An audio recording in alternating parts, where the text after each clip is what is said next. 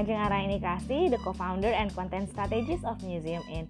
In this our very first episode, I will talk about unboxing Peranakan and I am with Ku Salman Nasution and we'll talking about the Peranakan museums in Penang, Malaysia.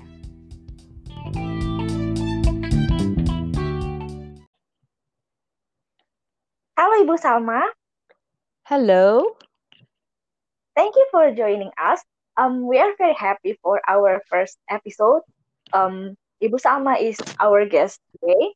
Ibu Salma is from the Penang Heritage Trust, and we will discuss about the museums, particularly the Peranakan museums in Penang. But before we start, Ibu Salma, could you please briefly introduce yourself to our audience, please? My name is uh, Ku Salma Nasution. It is a bit of a strange name. Actually, Ku is my. Chinese name. Uh, Salma mm-hmm. is my Muslim name. And Nasution mm-hmm. is a Mandaling name uh, because my husband's uh, ancestors were from Indonesia. Um, ah. So, yeah. Uh, and I'm for myself, I'm Chinese and I'm uh, Peranakan. My great great grandfather came to Penang five mm-hmm. generations ago. My great great great great grandmother uh, was from Malacca, and uh, we have been very acculturated. Let's say so. We are part of the Strait Settlements Chinese, and of course, uh, in the old days, they used to say that these are the British Chinese. You know, um, so this is ah. the the background behind the Peranakan in in Malaysia. So we call ourselves Baba Nonya, but Ah, uh, okay. But, but because Singapore started to use the term peranakan, so around the 1980s, uh, the Baba Nonya in Penang also accepted that term. So peranakan mm. is something that is in common with uh, Malaysia and also Indonesia. And uh, a bit more about myself. I work as a publisher with Areca Books. Uh, I'm a writer. I'm also an editor. In fact, I spend a lot of my time editing other people's books. Uh, I'm like a commissioning uh-huh. editor, and I'm also involved in a few uh, NGOs. Uh, as you mentioned, Penang Heritage Trust, and now I'm also involved in environmental NGOs. So I'm also the president of uh, Jaringan Ecology Dan Iklim. So the acronym is JED, JEDI, JEDI. Wow. Very interesting story. Oh, so uh, could you please tell us about uh, what is Penang Heritage Trust anyway? Okay. Um, what is what is it doing, or what's the role in Penang? Mm-hmm. So Penang Heritage Trust is uh, like a heritage society which was founded in Penang in 1986, and some people think that I was one of the founders, but I was too young at that time. And uh, I, yeah, I only joined. I joined in 1989 when I was still quite young, actually and uh, I became the honorary secretary for a long, long time. And then finally, mm. I became the president in uh, uh, 2009. Uh, and mm. and uh, Penang Heritage Trust is formed to protect the heritage of Penang. Uh, it has been focusing more on built heritage, but uh, actually in our constitution we said protect uh, the cultural and environmental and natural heritage of Penang. And hmm. uh, since 2008, we have also been become involved in intangible cultural heritage. So Penang Heritage Trust is like a society. We have members, we have uh, elections, you know, and the, the president, vice president, and the whole committee is voted in for two years. Uh, so we have been the main uh, society that has uh, what do you call it promoted awareness about heritage since the 1980s ah. uh, and then we are also the main organization that was pushing for the world heritage listing of georgetown which we got in mm-hmm. 2008 and then after that uh, many other uh, i mean there were a few other maybe small ngos but then it was only after uh, it was only in 2010 then then the government organized uh, like a state heritage agency. So before that, it was mainly Penang Heritage Trust that was, you know, doing this and, and info. Yes, yes. Um, like we mm-hmm. mobilized the community, you know, and then um, we we lobbied the the state government to go for the UNESCO listing, and then the state government has to cooperate with the federal government because the federal government is the state party, and so we are listed. Mhm. Georgetown is listed together with Malacca as uh, you know okay together in in one World listing. Yeah, yeah. Mhm.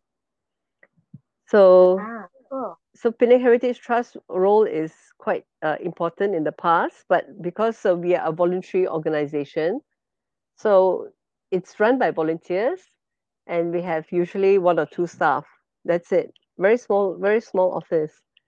Uh, Ah, okay. yeah, yeah. So now many many of the functions, you know, the government has taken over, and we still are the ones that you know we will raise a heritage alert if we think that, that something is going wrong, uh, and we also um, raise the you know raise new issues and and also uh, you know have more like NGO members. You know, we take a very NGO position on many issues.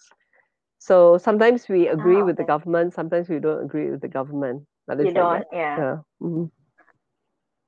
Okay. Oh, and we're speaking about Penang as the, at least Georgetown and Penang as the World Heritage City. And this in this episode, we are discussing um Peranakan heritage. In our past webinars, we also talk about the Peranakan uh, museums and things. And how about in Penang? Do you have any Peranakan museums there? Yes, actually, uh, the biggest uh, Peranakan museum is called the Penang Peranakan Mansion. And it's a very successful museum in the sense that uh, it had a lot of visitors, you know, before the whole, whole COVID uh, pandemic lockdown.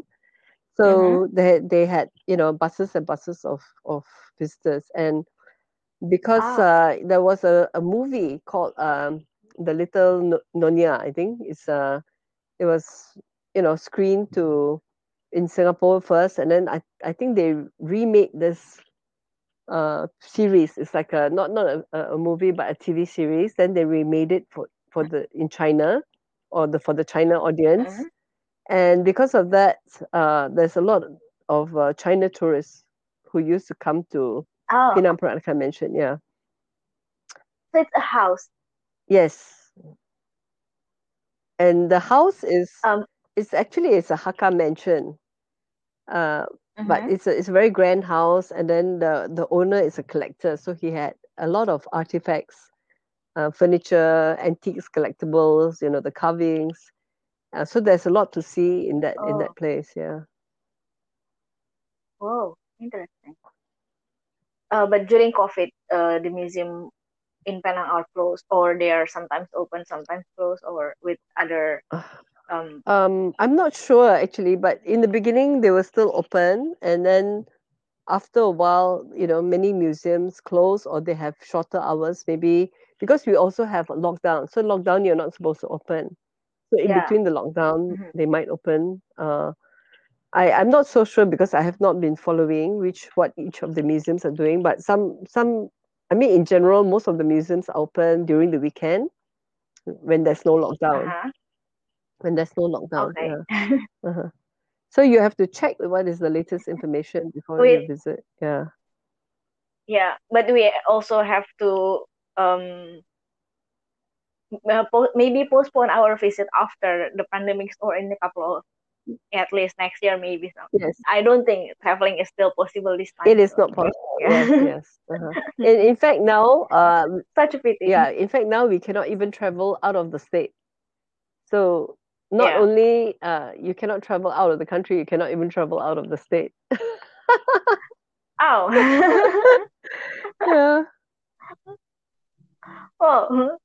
So it's the only museums about Peranakan in Penang, or is there any uh much more museum? Uh well, okay, we have the Sun Yat-sen Museum, which also actually Sun Yat-sen Museum. yeah. Have you heard of the Sun Uh-huh. Yat-sen Museum? Um, I myself once read about that, but maybe our listener listener don't, and uh, and maybe we don't have any idea why there is a Sun Yat-sen museums in Penang. and and it's not in China. why why it's not in China? Okay, so uh, Dr. Sun Yat-sen is a historical personality. So he's considered like the father of modern China, and he is mm-hmm. uh, the mm-hmm. inspiration behind the uh, China Revolution of 1911. Okay. Yeah. And Dr. Sun Yat-sen actually, for Indonesian audiences, he was also an inspiration to uh, Sukarno. Because. Sukarno, mm-hmm. uh, there is a passage somewhere where Sukarno says that he learned a lot from Dr. Sun Yat-sen and was uh, mm-hmm. then, you know, in his in his own ideology. Um, so Sun Yat-sen was in exile from China since 1895 and he led a life as a revolutionary. So he was in Southeast Asia very often, and mainly in ah. um, Malaya, Penang. Penang, Singapore. He was actually mm-hmm. in Singapore first. I mean, in the sense that ah, his okay. first uh, headquarters in Southeast Asia was in Singapore from 1906 to 1909. And then um, he lost support and in Singapore. Then he moved to Penang and was in Penang from 1910 to 1911. And although mm. he there is no official record that he visited Thailand and Indonesia, but there is unofficial record that he did visit some of the places in Sumatra. Um, mm-hmm. I can't remember. I think Asahan. I think he went to Asahan and so a few places and there's no official record, but there's a school in Asahan which says that yes, Sun Yat-sen came here, and you know a few places actually, and I think there could be some evidence in the letters as well. And the same thing with Thailand. So he, there's no official record that he went to Bangkok, but there is a Sun Yat-sen street in Bangkok, and the people in uh, yeah, yeah, Yaowarat, I think, said that yeah, definitely he was here. And now they found that uh, they found that yes, he was actually, you know, they, they found some declassified records that said that yes, actually he was there.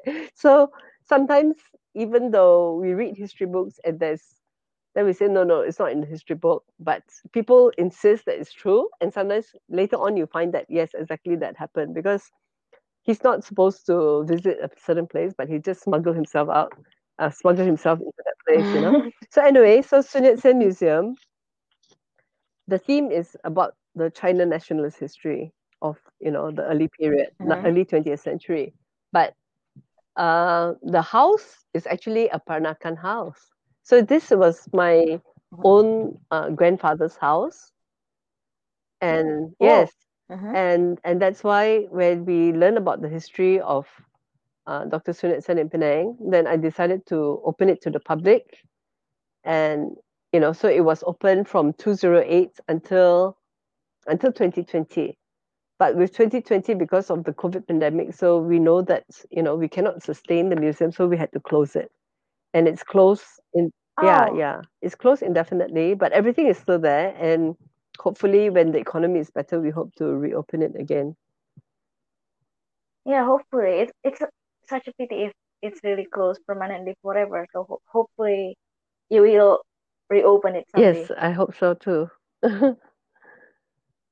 but the but the interior is very oh. much is a Peranakan interior, and that is an original one. That means mm-hmm. we didn't, you know, it's not because I'm not uh, really a collector, but it's uh, the house mm-hmm. it was handed down from my grandfather's family.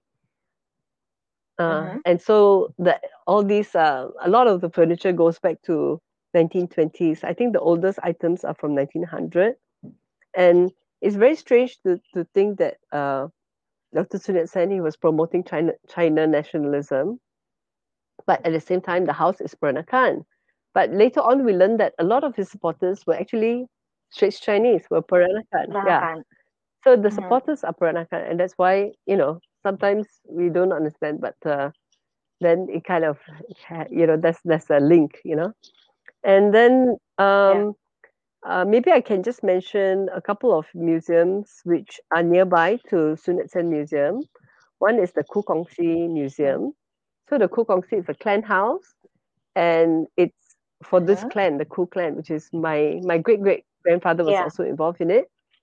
and in yeah. the basement they have a museum to interpret the history of the Ku Kong Si, and it starts with the gene- genealogy oh, wow. of uh, Kukongsi of the Kus uh, genealogy genealogy of the Kus and they keep that um, genealogy mm-hmm. book you know and then it talks about mm-hmm. uh, you know the migration and um, how they set up this place and then how they built the, the very grand uh, clan temple and uh, the Kukongsi so it looks like a very Chinese building but actually the Kus are Peranakan so it's it's a bit difficult to understand the Peranakan because the Peranakan always have a Chinese identity and they also have a Western identity. So I guess the Peranakan in, in Indonesia will be sometimes they have some Dutch influence, you know.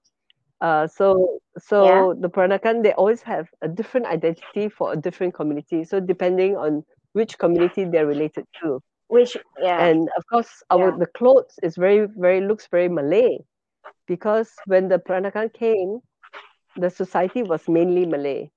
So they were dealing, you know, as as traders, as entrepreneurs, they were dealing mainly with the Malay community, and they were assimilated uh, or acculturated. Uh, but the even though they always keep their own religion, you know, uh, so uh, they they blend into the the let's say the mostly Malaysian community. Then when the British came along, they also become very westernized and but they always keep the Chinese uh, religion and like ancestral worship. So that's the Kukongsi represents that. And then um. I just want to mention uh, that is right next door to the Sun Yat-sen Museum. There is another Chinese museum. It's not Peranakan, mm-hmm. and this is uh, called the Teochew mm-hmm. Puppet and Opera House, and it's uh, run by these mm-hmm. artists who are you know they they know the art of Teochew puppet they can do the puppetry and mm-hmm. they can also uh-huh. uh, they are also involved in Teochew opera so that is very Chinese and it's not Peranakan at all uh, but it's uh, a, a uh-huh. living it's an intangible cultural heritage because they are also performing uh, the culture the yeah. puppet yeah oh so very, actually it's very interesting to visit Penang someday Yes, I hope you come here. um, and to yeah, yeah. and um, so this is can be uh, your guide if you want to visit Penang. There is a lot of uh, museums, particularly about the Peranakan and also the Chinese, and also much more, I believe. Mm. But uh, because we are talking about Peranakan, so that's um, the museum that you have to check if you are there later someday. It's very interesting and it's really really related to the, your family history it's amazing yes and and uh, i was telling you about my bookshop so my bookshop is exactly yeah. between the Kukongsi and also between the Sun Yat-sen Museum. So it's a very small area. You can hmm. just walk around in you know ten minutes. You can, but if you want to see, you find yeah, it, yeah, you can find everything in ten minutes. But if you want to see things, then it will take you you know maybe a couple of hours.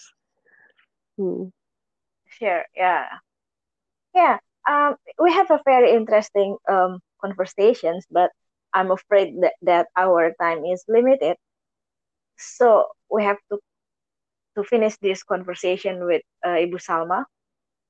Thank you so much, Ibu Salma, for uh, becoming our guest, and thank you very much for um, explaining to us about um, the Peranakan and Chinese museums in Penang. It's very pleasure for us. Thank, thank you so much for inviting me. I'm so honored to be, you know, your very first guest. And I hope all of you can come and visit me one day. Yeah, I mean, I would love mm. to. Okay, I think um we have to say goodbye here. So um see you next month. Um bye.